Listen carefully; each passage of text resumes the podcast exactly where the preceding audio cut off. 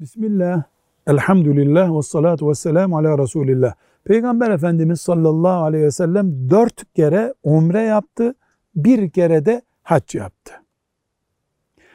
Peygamber Efendimiz sallallahu aleyhi ve sellemin haccının bir kere olması, dört tane de umre yapmış olması, Müslümanların da her birinin dört kere umre, bir kere hac yapması şeklinde bir fıkıh kuralı oluşturmuyor.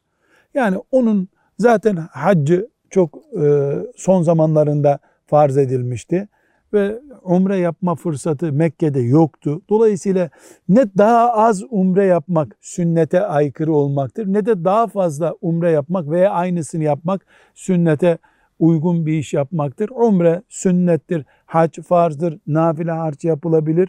Ama bu kişiden kişiye zamandan zamana değişebilir bir kuraldır. Velhamdülillahi Rabbil Alemin.